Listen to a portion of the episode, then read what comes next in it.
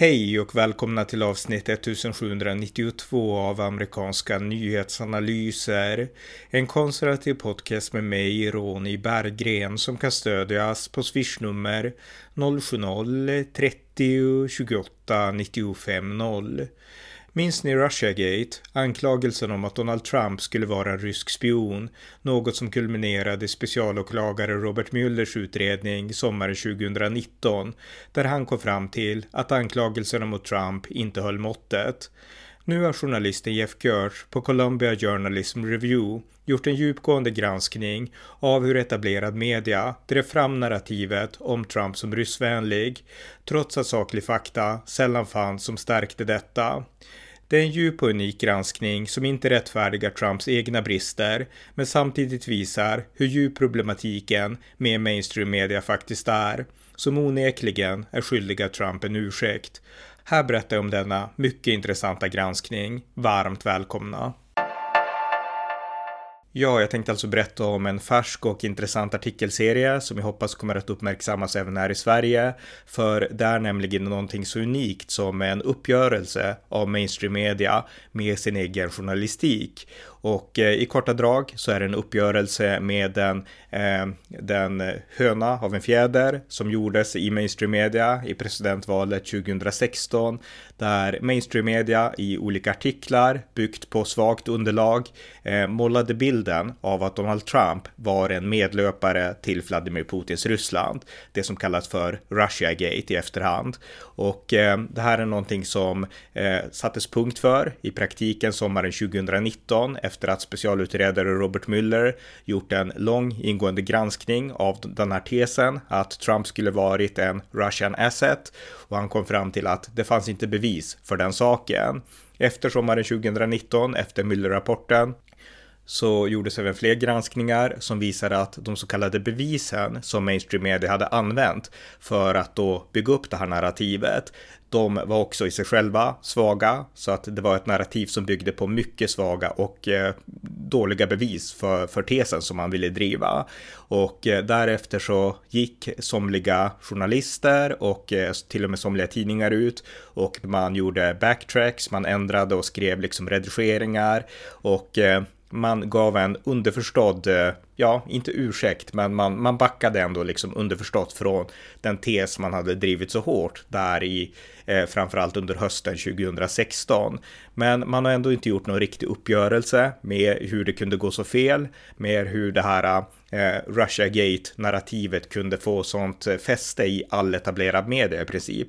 Det har man inte gjort, men det görs nu av journalisten Jeff Gert som är en mainstream-journalist som har arbetat som djupgrävande journalist på New York Times och nu har arbetat i ett och ett halvt år med att gräva upp hur Russia Gate kunde komma till stånd inom mainstream media. Och den här uppgörelsen gör han för eh, Columbia Journalism Review, en etablerad akademisk tidning som används av all mainstream media. Så det handlar alltså inte om någon högermedia utan om en helt etablerad eh, akademisk skrift som eh, mainstream media ofta refererar till och eh, han gör upp eh, med sitt eget skrå kan man säga. Eh, och den här artikelserien som är 24 000 ord, den tar lång tid att läsa. Jag tror att jag läste den på fyra timmar och det beror inte på att det liksom tar så lång tid att läsa serien utan för att det är ganska det är massiv information och även om man i mitt fall Eh, kan en del sen, sen tidigare, jag menar jag hängde med i Russiagate, så är det ändå så många detaljer att man måste läsa sakta för att verkligen få steg för steg liksom, liksom in, inbakat i ryggmärgen i den här processen. Så att det är en lång men mycket läsvärd artikel och eh, han har skrivit den som sagt under ett och ett halvt års tid. Han har intervjuat många av de inblandade från Christopher Steele till Donald Trump och många av journalisterna som var med och drev och skapade det här narrativet. Och det här är som sagt en uppgörelse med mainstream media av mainstream media och det är någonting väldigt unikt. Jag hoppas att den här eh, artikelserien som uppmärksammas i viss mån i USA också kommer att uppmärksammas här i Sverige. För här i Sverige så var det också många som verkligen drev på det här med att Trump är en säkerhetsrisk och han är en rysk spion kanske till och med. Eh, det drevs även här i Sverige så att det behöver, behövs en uppgörelse även här i Sverige och den här artikelserien av Jeff Gert på Columbia Journalism Review, det är en bra utgångspunkt för en sån uppgörelse. Så att nu ska jag berätta om den här artikelserien. Jeff Gert han började från början när Donald Trump pålyste sin presidentkandidatur den 16 juni 2015 och eh, Donald Trump höll då ett tal där han pratade om alla möjliga saker. Han pratade om China, alltså hotet från Kina och eh, han pratade om även Ryssland, att USA måste stärka sin och förnya sin kärnvapennational för att kontra Ryssland. Men mest av allt så pratade Donald Trump om den illegala invandringen från Mexiko och hans stora kampanjlöfte i presidentvalet 2016 det skulle ju vara att bygga en mur mot Mexiko, bilda ett wall för att stävja den illegala invandringen. Så att det var mest det som Donald Trump pratade om. Och eh, journalister som bevakade Trumps tal, de fokuserade helt på i viss mån Kina men framförallt Trumps prat om att säkra gränsen mot Mexiko och hotet från den illegala invandringen. Det fokus som riktades mot Ryssland, det kom från konservativt håll, för vid den här tidpunkten så var det så att det var Republikanerna som var det Rysslands kritiska partiet. Fyra år tidigare, 2012, så hade Mitt Romney varit Republikanernas presidentkandidat och han hade då kritiserat Obama-administrationen för att ha varit för mjuka mot Ryssland. Fyra år dessförinnan, 2008, då hade USAs mest kända Putin-kritiker, John McCain, varit Republikanernas presidentkandidat. Så att det var Republikanerna som var det Rysslands kritiska partiet. Medan Obama-administrationen, i synnerhet under de första fyra, fem åren när Hillary Clinton var utrikesminister, de hade varit mjuka mot Ryssland. Och nu försökte konservativa använda det mot Hillary Clinton. Och Hillary Clinton uppfattade det här som ett hot för att det pratades om att New York Times hade fått en deal där de också skulle kunna använda det som de konservativa grävde fram för att eh, få rubriker och kunna skriva kritiskt om Hillary Clinton. Och det som konservativa ville fokusera på, det var ett tal som Bill Clinton hade hållit för stora pengar i Moskva. Det var de ryska donationer som hade getts till Clinton Foundation och det var den svaga politik som hade drivits när, mot Ryssland när Hillary Clinton var Obama Obamas utrikesminister. Så att Clinton-kampanjen såg det här som ett hot och man ville försöka ändra fokus. Och här fanns det en öppning på grund av Donald Trumps egna uttalanden. Och vid 2016 så hade Donald Trump sagt att han beundrade Rysslands starka ledare. Och eh, Clinton-kampanjen, de började nu intensivt i hemlighet att försöka klistra det här Rysslands-narrativet som de ville skapa på Donald Trump. Och i det här avseendet så hade de nytta av den konservativa eh, granskning som ändå hade gjorts av ryska kopplingar till amerikansk politik. Eh, för det var så här att konservativa hade inte bara grävt fram eh, information om Rysslands kopplingar till Clinton, Clinton-kampanjen, utan det fanns också Trump-motståndare inom Republikanerna. Det fanns ju vid den här tiden en Never Trump-rörelse som växte fram som absolut inte ville se Donald Trump som en, Eh, ja, som Republikanernas presidentkandidat eller som vinnare ens av presidentvalet. Så att han hade en fientlig falang inom Republikanerna. Och eh, den konservativa tidningen Washington Free Beacon de hade anlitat en firma som heter Fusion för att gräva fram även information om Donald Trumps kopplingar till Ryssland. Det här blev ingenting av, men i maj 2016 så fick Fusion ett, en ny uppdragsgivare och det här var ingen mindre uppdragsgivare än The Democratic National Committee, alltså i praktiken Clinton-kampanjen. Och uppgiften var nu att fortsätta gräva fram mer information, djupare information om Donald Trumps kopplingar till Ryssland. Och eh, för att göra det här så reste en av eh, Fusions grundare, Glenn Simpson, till London i maj 2016 för att träffa en eh, ja, är rival kanske, men en kollega också inom branschen, inom informationsbranschen den tidigare MI6-agenten Christopher Steele som hade en egen eh, underrättelsefirma, Orbit, Orbis Business Intelligence och eh, Fusion och Clem Simpson, de anlitade eh, Christopher Steele, den här brittiska eh, informationsagenten då, för att eh, göra ett memo, att gräva fram information om Donald Trumps kopplingar till Ryssland. Och det var exakt det som Christopher Steele nu började göra eh, för, i praktiken för Demokraternas räkning. Och eh, Eh, det skulle bli en viktig del i narrativet sen som skulle klistra på, klistras på Donald Trump. Men samtidigt skulle också en del andra saker hända som skulle stärka det här narrativet. Och eh, i juni 2016 när kampanjerna var i full gång med att puckla på varandra, då kom Washington Post med nyheten om att The Democratic National Committee, alltså det demokratiska partiets partikommitté, hade blivit hackat, sannolikt av Ryssland. De kom med den nyheten och eh, veckan därpå så publicerade Washington Post en lång artikel med rubriken Inside Trumps financial ties to Russia and his unusual flattery of Vladimir Putin. Alltså man kom med en artikel med rubrik som kopplade Trump till, till Putin egentligen. Och eh, den här artikeln den beskrev att Trump hade besökt Moskva 2013 eh, för Miss Universe och eh, den beskrev att eh, Trump hade yttrat sig om att han ville förändra NATO och eh, att det fanns arbetare inom Trumps eh, cirkel som hade nära affärsband med Ryssland. Och den huvudsakliga författaren till den här artikeln i Washington Post, Tom Hamburger, han hade tidigare arbetat på just Wall Street Journal där han hade arbetat tillsammans med Glenn Simpson, alltså den här personen som nu drev Fusion och som arbetade med att få smutsig information om Donald Trump via Christopher Steele, den här britten då som jag nyss berättade om. Så att med stor sannolikhet så hade Tom Hamburger fått information via eh, Glenn Simpson om Donald Trumps kopplingar till Ryssland och nu var det här spelet igång. Och eh, i juli 2016 så skulle Trump utses till formellt då till partiets eh, presidentkandidat eh, på partiets partikonvent i Cleveland den 18 juli. Och eh, i samband med det så skrev eh, Josh Rogin, som också skrev för Washington Post, han skrev en artikel som handlade om att eh, Trump-kampanjen, de stryker eh, eh det antiryska förhållningssättet till Ukraina, skrev den här kolumnisten då på Washington Post, Josh Rogin. Och det här var en artikel som överdrev väldigt mycket. I praktiken så eh, gav eh, Trump och eh, GOP-plattformen fortsatt stöd till Ukraina.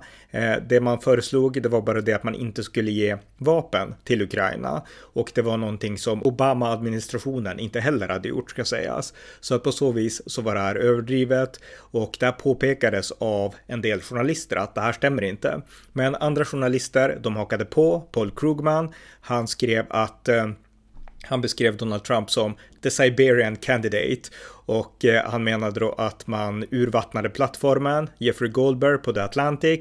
Han skrev att eh, Trump var en de facto agent åt Vladimir Putin och nu började ett mediadrev komma igång om att Donald Trump hade allvarliga säkerhetspolitiska farliga kopplingar till Putins Ryssland. Och grunden för det här, det var den information som sakta hade börjat grävas fram nu av Clinton-kampanjen om Eh, ja, om Trumps kopplingar till Ryssland.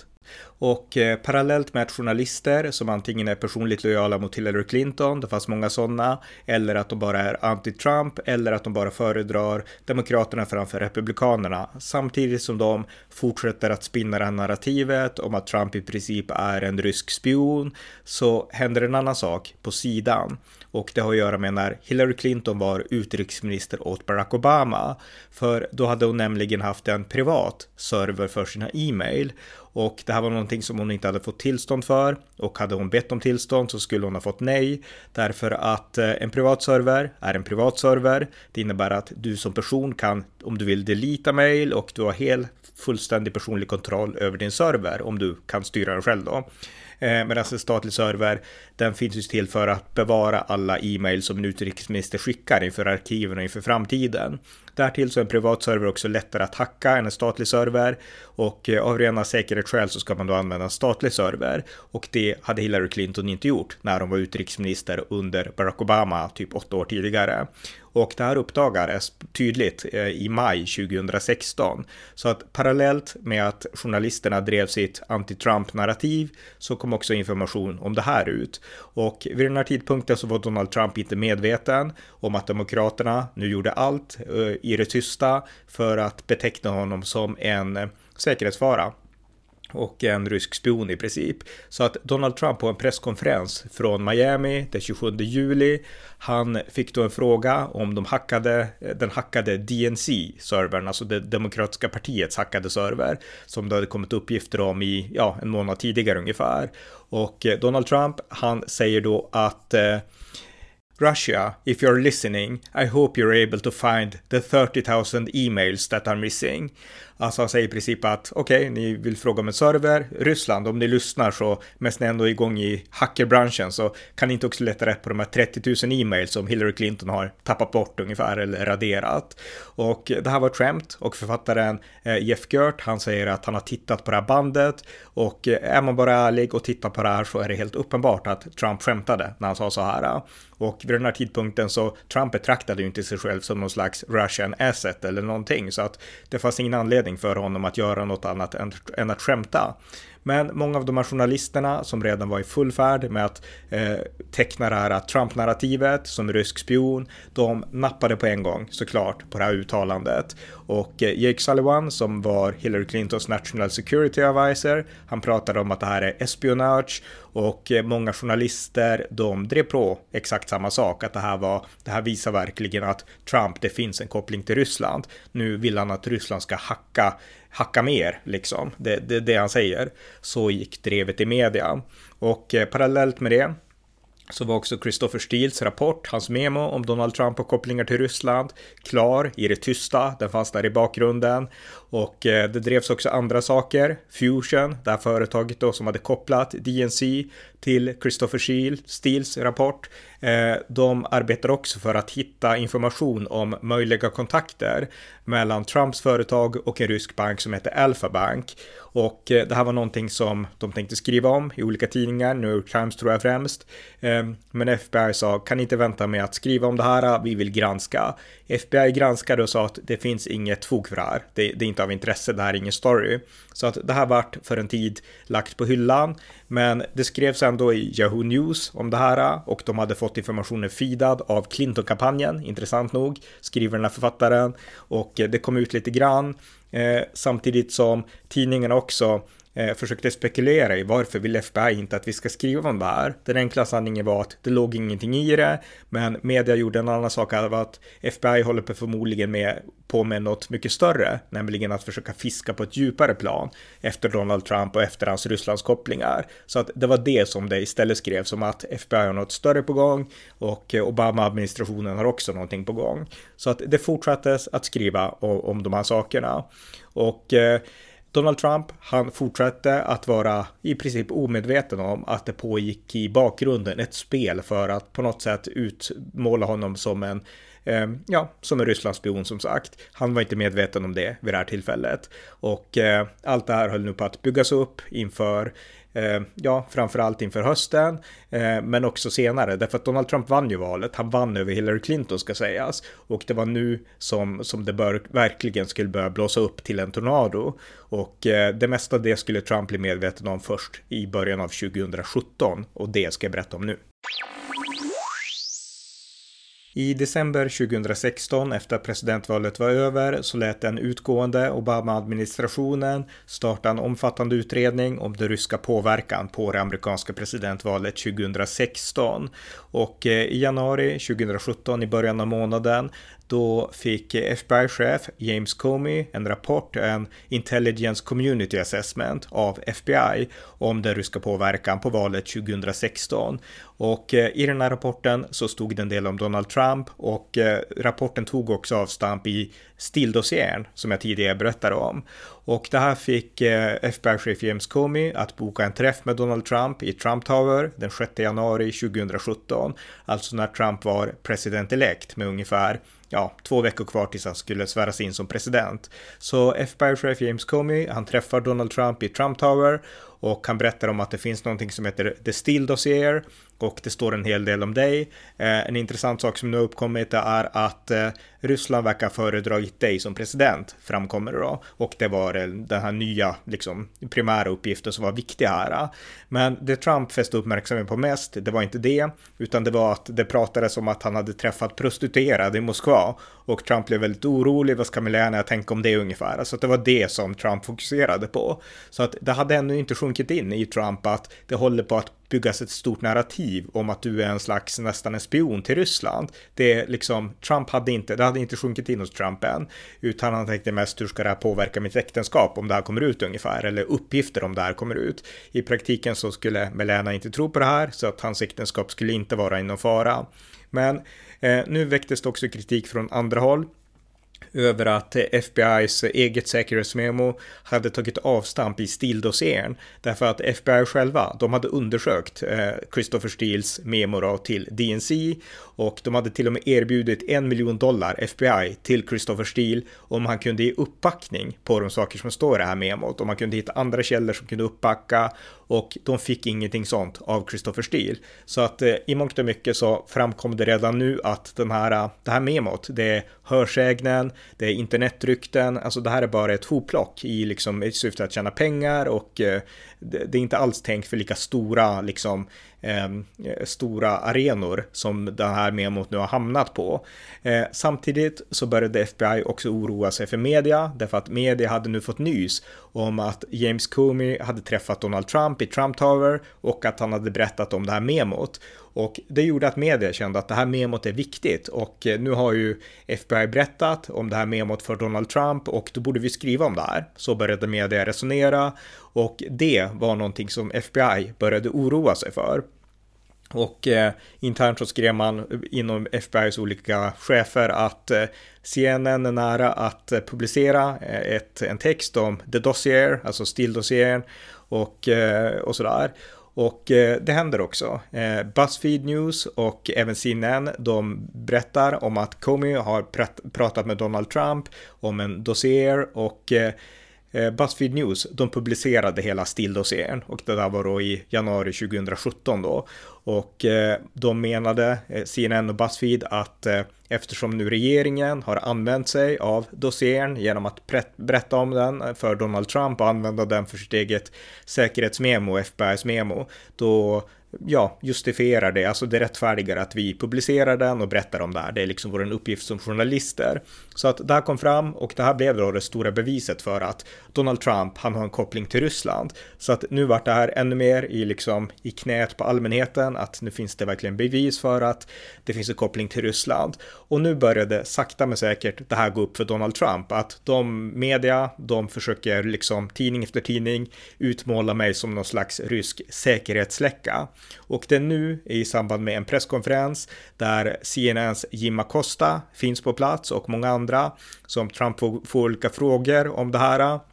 Och eh, Trump slår tillbaka och säger att vilket skitsnack det här är. You are fake news, säger han. Och det här är första gången som Trump använder det här uttrycket, fake news. Så att han säger att you are fake news, det här är nonsens, vad snackar ni om liksom? Och eh, ja, han säger det ungefär. Och när han har sagt det, då tänker han att okej, okay, nu är det här över, nu flyger jag iväg igen och hoppas att tidningarna skärper sig. Men så skulle det inte alls bli, utan det som hände nu, det var att reportrarna, de började drömma om ett nytt Watergate i princip. Alltså de ville bli kända och de kände att wow, här har vi en story, här har vi kanske till och med en rysk spion som är president, det är ett nytt Watergate. Och eh, det var det snacket som gick bland journalister, avslöjar då den här författaren Jeff Gert. Och han skriver om att eh, så här gick pratet bland många liksom som skrev om det här. En person som tog ton mot det här, det var den riktiga Watergate-journalisten Bob Woodward.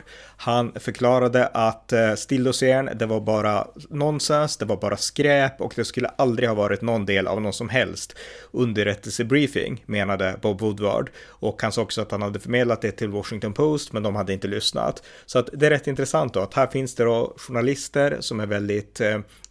heta på gröten, de vill synas, de vill vinna Pulitzerpris och de ser nu sin chans. Och eh, när de ser sin chans så kompromissar de med liksom integriteten. Då är de beredda att liksom eh, rycka efter första bästa halmstrå som kan bekräfta deras teser som alltid handlar om att överbevisa varandra om att titta, jag har avslöjat Donald Trump som en rysk spion. Trots att de grundläggande bevisen för det, framförallt Stilldossiern, höll inte måttet. Och eh, det hände också en annan sak och det var att Michael Flynn, den här generalen då som hade blivit anställd av Donald Trump eh, och som skulle ingå i hans kabinett.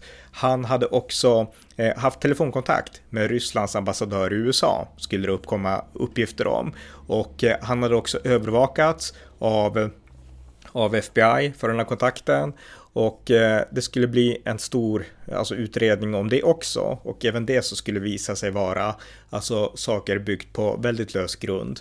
Så det var det som hände där till en början. Och en av New York Times editorer, Liz Spide, hon mejlade med författaren till artikeln som jag utgår ifrån nu då, eh, Jeff Gert, och förklarade att vi hade två olika standard. Det fanns en standard före valet och den handlade om att eh, man ändå ville bara publicera saker som man verkligen visste stämde, så det var därför man kunde hålla tillbaka ibland. Men efter valet, när Trump väl hade vunnit, då utgick man från nästan vad som helst och tog det för givet att det skulle vara sant. Så att hon sa att mentaliteten blev ännu mer anti-Trump efter att han hade vunnit. Så att det är också en intressant iakttagelse i, i det hela. Och eh, när F. Gert intervjuar Donald Trump 2021 om det här så säger Donald Trump att han minns mycket väl att han tyckte att bevakningen av honom den blev ännu sämre när han väl hade tillträtt. Och han sa då att eh, nu hade han inte bara ett land att styra utan han behövde också samtidigt försöka skaka av sig alla de här eh, otroliga fake-nyheterna om honom.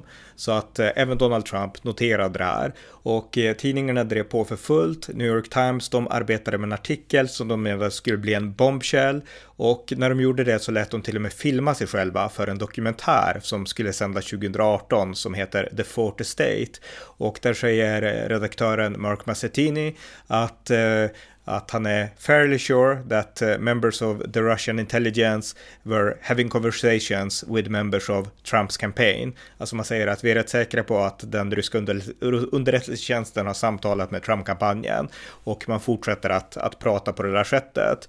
Och FBI, de var kritiska till det här. Alltså så här i efterhand så eftersom ingen visste exakt vad som har hänt så vart det väldigt snabbt att Trump svartmålade FBI och eh, det vart eh, stor konflikt där. Vi kommer komma tillbaka till den. Men, men FBI försökte ändå hålla huvudet kallt och de var kritiska och menade att det är mycket som skrivs som helt enkelt inte är sant. Det var FBI's inställning samtidigt som FBI höll låg profil. Man gick inte ut och liksom sa emot media heller för man såg inte det som sin uppgift. Men FBI var inte liksom, de gav inte de här eh, liksom hysteriska tidningsartiklarna sin välsignelse, oftast inte.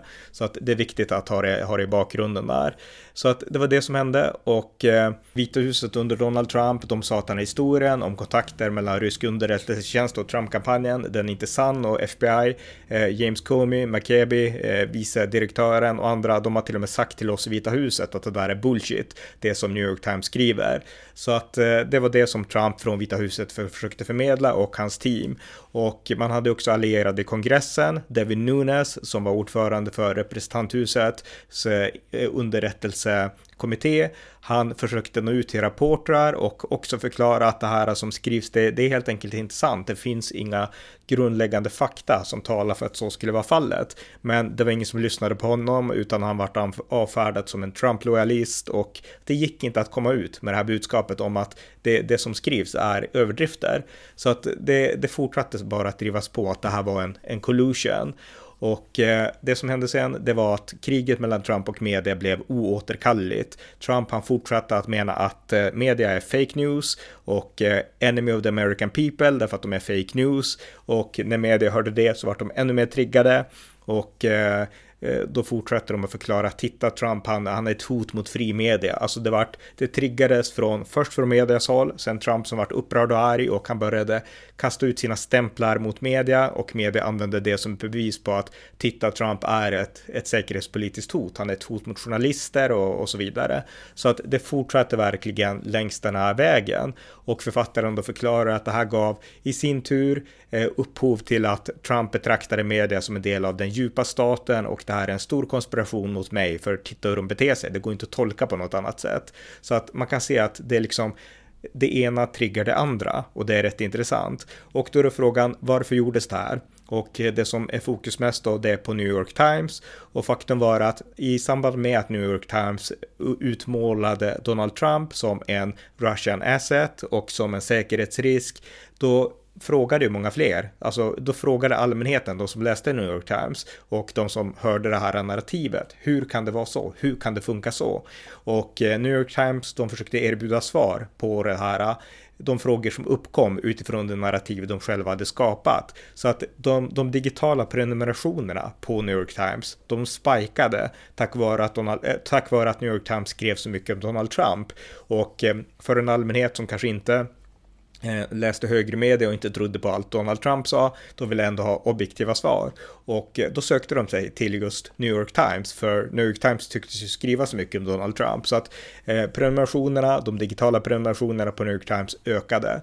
Och FBI fanns där i bakgrunden och de tyckte att allt var en stor smörja, helt enkelt. Men det blev väldigt komplicerat därför att även James Comey, FBI-chef, han skulle också till slut komma och säga att Eh, Eh, han skulle prata inför just representanthusets underrättelsekommitté i mars, den 20 mars 2017. Och där så skulle han gå lite grann på den här linjen att eh, att eh, vi utreder om det finns kopplingar mellan Trump och Ryssland och eh, liksom betonar liksom relativt objektivt men likväl att vi undersöker. Och bara det här med att man undersöker, det skulle fortsätta eh, göra att spinnet växte. Adam Schiff, den här demokraten, han tog nu liksom drog igång sina trådar, att nu måste vi undersöka de som arbetar med Trump, Carter Page och många andra.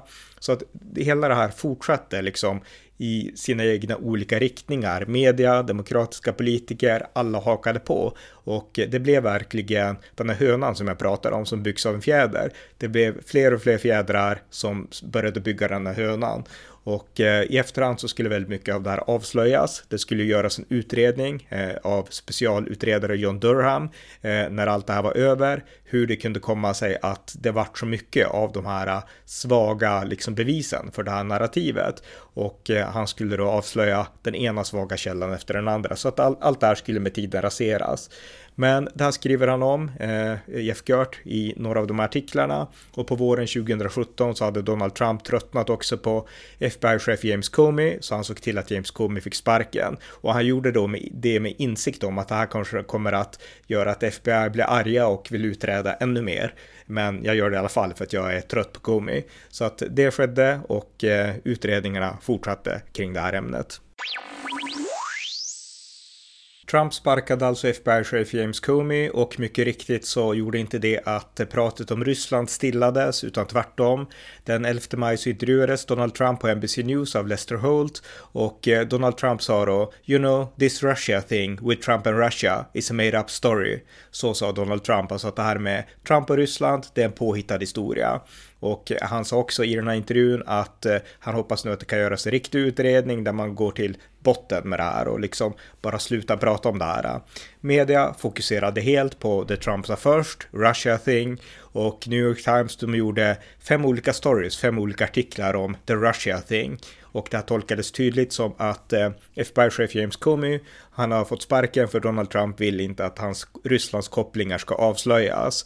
Och eh, James Comey själv, han tog avstånd från det och sa att så var det inte, men det hjälpte inte utan tidningarna fortsatte att driva på om just Trump och Rysslands kopplingarna. Och i juli 2017 så skulle det här fortsätta. Då skulle eh, det uppdagas att Donald Trumps son, Donald Trump Jr, hade träffat en rysk advokat, Natalia Veselenchika, eh, i juni 2016 i Trump Tower och det här tolkades som ännu ett bevis på att det var en collusion mellan eh, ett samarbete då, mellan Donald Trumps kampanj och Ryssland. Och eh, 2018 så skulle New York Times men även Washington Post få olika priser, bland annat Pulitzerpriset för sina artiklar om Trump och Trump-kampanjens så kallade kopplingar till Ryssland. Och det här var någonting som kritiserades, inte bara av Donald Trump, utan det kritiserades för att ni har fått ett pris för artiklar som är väldigt dåligt underbyggda. Och eh, till försvar så gick eh, New York Times dåvarande eh, vd Dean Baquet ut och sa att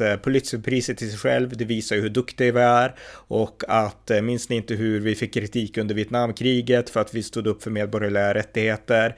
Ehm, men även om attackerna skadar oss så The New York Times is still here, sa eh, redaktören då Dean Baquet. Så att han tog tidningen i försvar och han menade då att priserna vi har fått, Pulitzerpriserna, det visar ju att vi gör en bra journalistik. Så att det varit ett cirkelargument lite grann som, som man, man använde utan att egentligen vara självkritiska och utan att bara inse att vi har skrivit våra artiklar som vi nu belönas för på väldigt svaga grunder. Det brydde man sig inte om.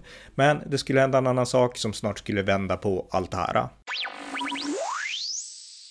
I maj 2017 när pratet om Trump och ett eventuellt samröre med Ryssland gick som högst, då lät den biträdande justitieministern Rod Rosenstein eh, utse en specialutredare, eh, specialutredare Robert Mueller, för att gå till botten med det här pratet och verkligen utreda noggrant om det fanns några bevis för samröre mellan Donald Trump och, eh, och Ryssland. Och i mars 2019 så var den utredningen klar, Mueller-utredningen, och det här var en ingående granskning där man hade kallat mer än 2800 personer till olika former av förhör. Man hade intervjuat 500 vittnen, man hade gått igenom 533 000 olika artiklar om Trump-Ryssland och eh, det var en ingående granskning av ämnet och eh, det man kom fram till det var primärt två saker. Det fanns inga bevis för en konspiration eller något samröre, någon collusion mellan Ryssland och Trump. Eh, sen fanns det också olika händelser där eh, personer som man hade intervjuat hade försökt obstruera och på något sätt komma undan rättvisan. Men bevis för någon collusion eller konspiration fanns inte. Det var slutsatsen av Müller-rapporten.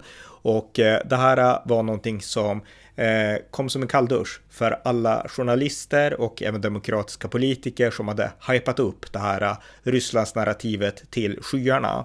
Och eh, på New York Times i samband med att den här rapporten skulle komma ut när Robert Mueller höll sin presskonferens så utbrast då New York Times eh, redaktör eh, Dean Baquette som jag nämnde tidigare Holy shit, Bob Mueller is not going to do it, eh, utbrast han. Och eh, det blev precis så det hände. Det kom inget stort avslöjande över att Donald Trump skulle ha varit någon spion. Så att där och då i mångt och mycket så förlorade mainstream media kampen om det här narrativet som man hade ägnat nu nästan fyra år att blåsa upp. Och eh, det för oss över till slutsatserna som författaren eh, Jeff Gert drar av allt det här. Ja, Robert Muellers utredning hade i praktiken rentvått Donald Trump. Det fanns vissa saker man inte var nöjd med, till exempel Trumps medarbetare Paul Manafort. Han hamnade i doldager. Han blev sedan straffad för sina egna skumraskaffärer.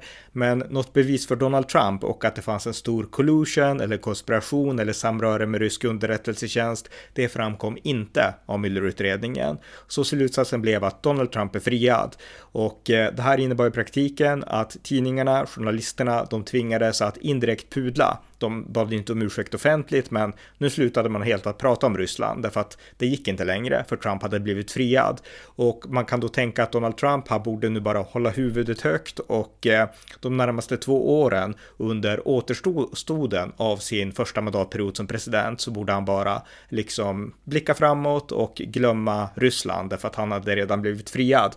Men eftersom Donald Trump är Donald Trump så grävde han ganska snart efter det här en ny grop åt sig själv för att okej, okej, okay, jag fixade Ryssland, men nu är det presidentval om två år till, så att nu ringer Ukrainas president Zelensky och ber honom hitta skit om Joe Biden och Joe Bidens son Hunter Biden.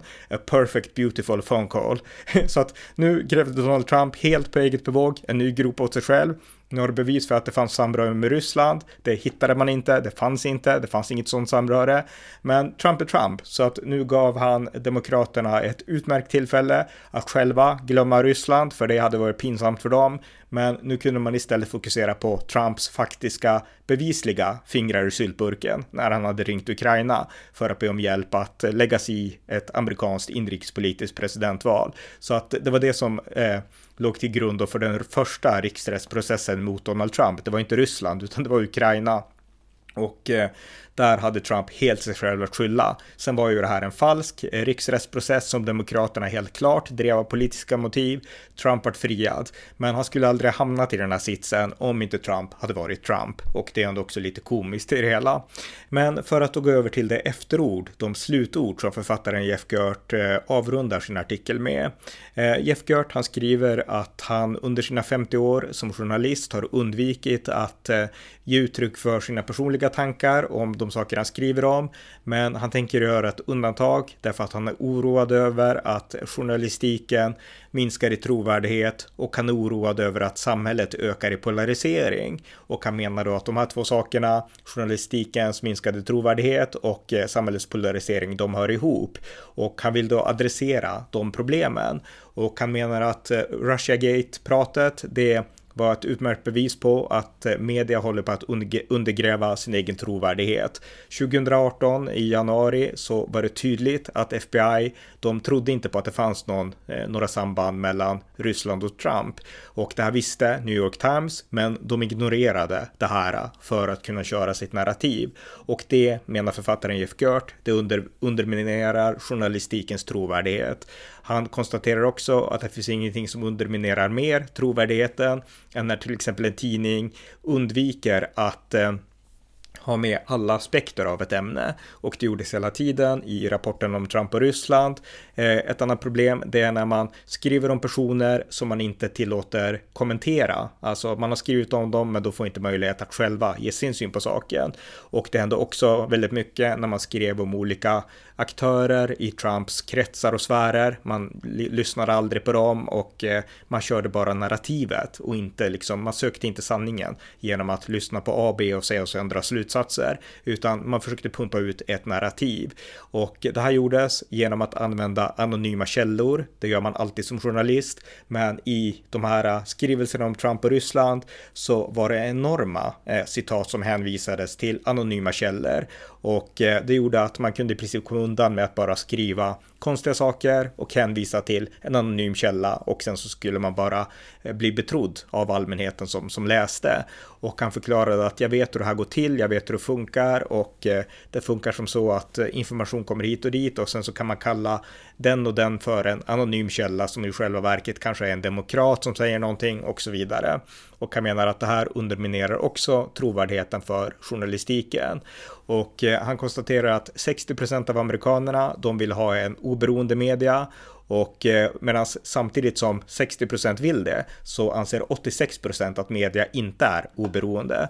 Så att det råder verkligen en en mismatch eh, i, liksom, i, i medias relation till allmänheten. Allmänheten vill ha bra media, men de anser inte att media är bra. Och eh, jag tycker att det här är jätteintressanta slutsatser och som jag sa när jag inledde den här podden, jag hoppas att svenska journalister också ska läsa de artiklarna, gärna lyssna på den här podden såklart, men framförallt läsa artiklarna och hänvisa till Jeff Gert och att det här var en, det här var en tabbe helt enkelt, allt det här med Russiagate. Och eh, det betyder inte att Trump har rätt i allt, utan jag personligen skulle säga snarare att eh, det som hände det var att media triggade Trumps sämsta sidor. Alltså, Russiagate var, för att eh, det här är då min eh, definition av det hela, Russiagate var the lie som föregick the big lie. Alltså först var det media som ljög om Trump och Ryssland, utan tvekan en lögn. Och det gjorde att Trump, han trodde inte på något som media liksom skrev om honom och allt som gjordes tolkade Trump illvilligt därför att han hade ju sett hur de behandlade honom med Russiagate. Och Jeff Gert betonar att det var verkligen det här med Ryssland som fick Trump att börja prata om fake news media för att han, det, det, det var Ryssland, så att det var media som triggade igång det. Och sen startades en ond cykel och Trump trodde inte på något som media skrev och det kan man inte beskylla honom för att inte göra med tanke på hur media behandlade honom. Men det gjorde också att när det blev valet, och det här är alltså jag som, som liksom förklarar nu, eh, så blev Trump mer och mer inne på att allt är en djup stat, en stor konspiration och sen så kom the big lie, alltså Trumps prat om valfuskkonspirationer som jag ändå har skrivit ganska mycket om och avfärdat att det här är Trump fel.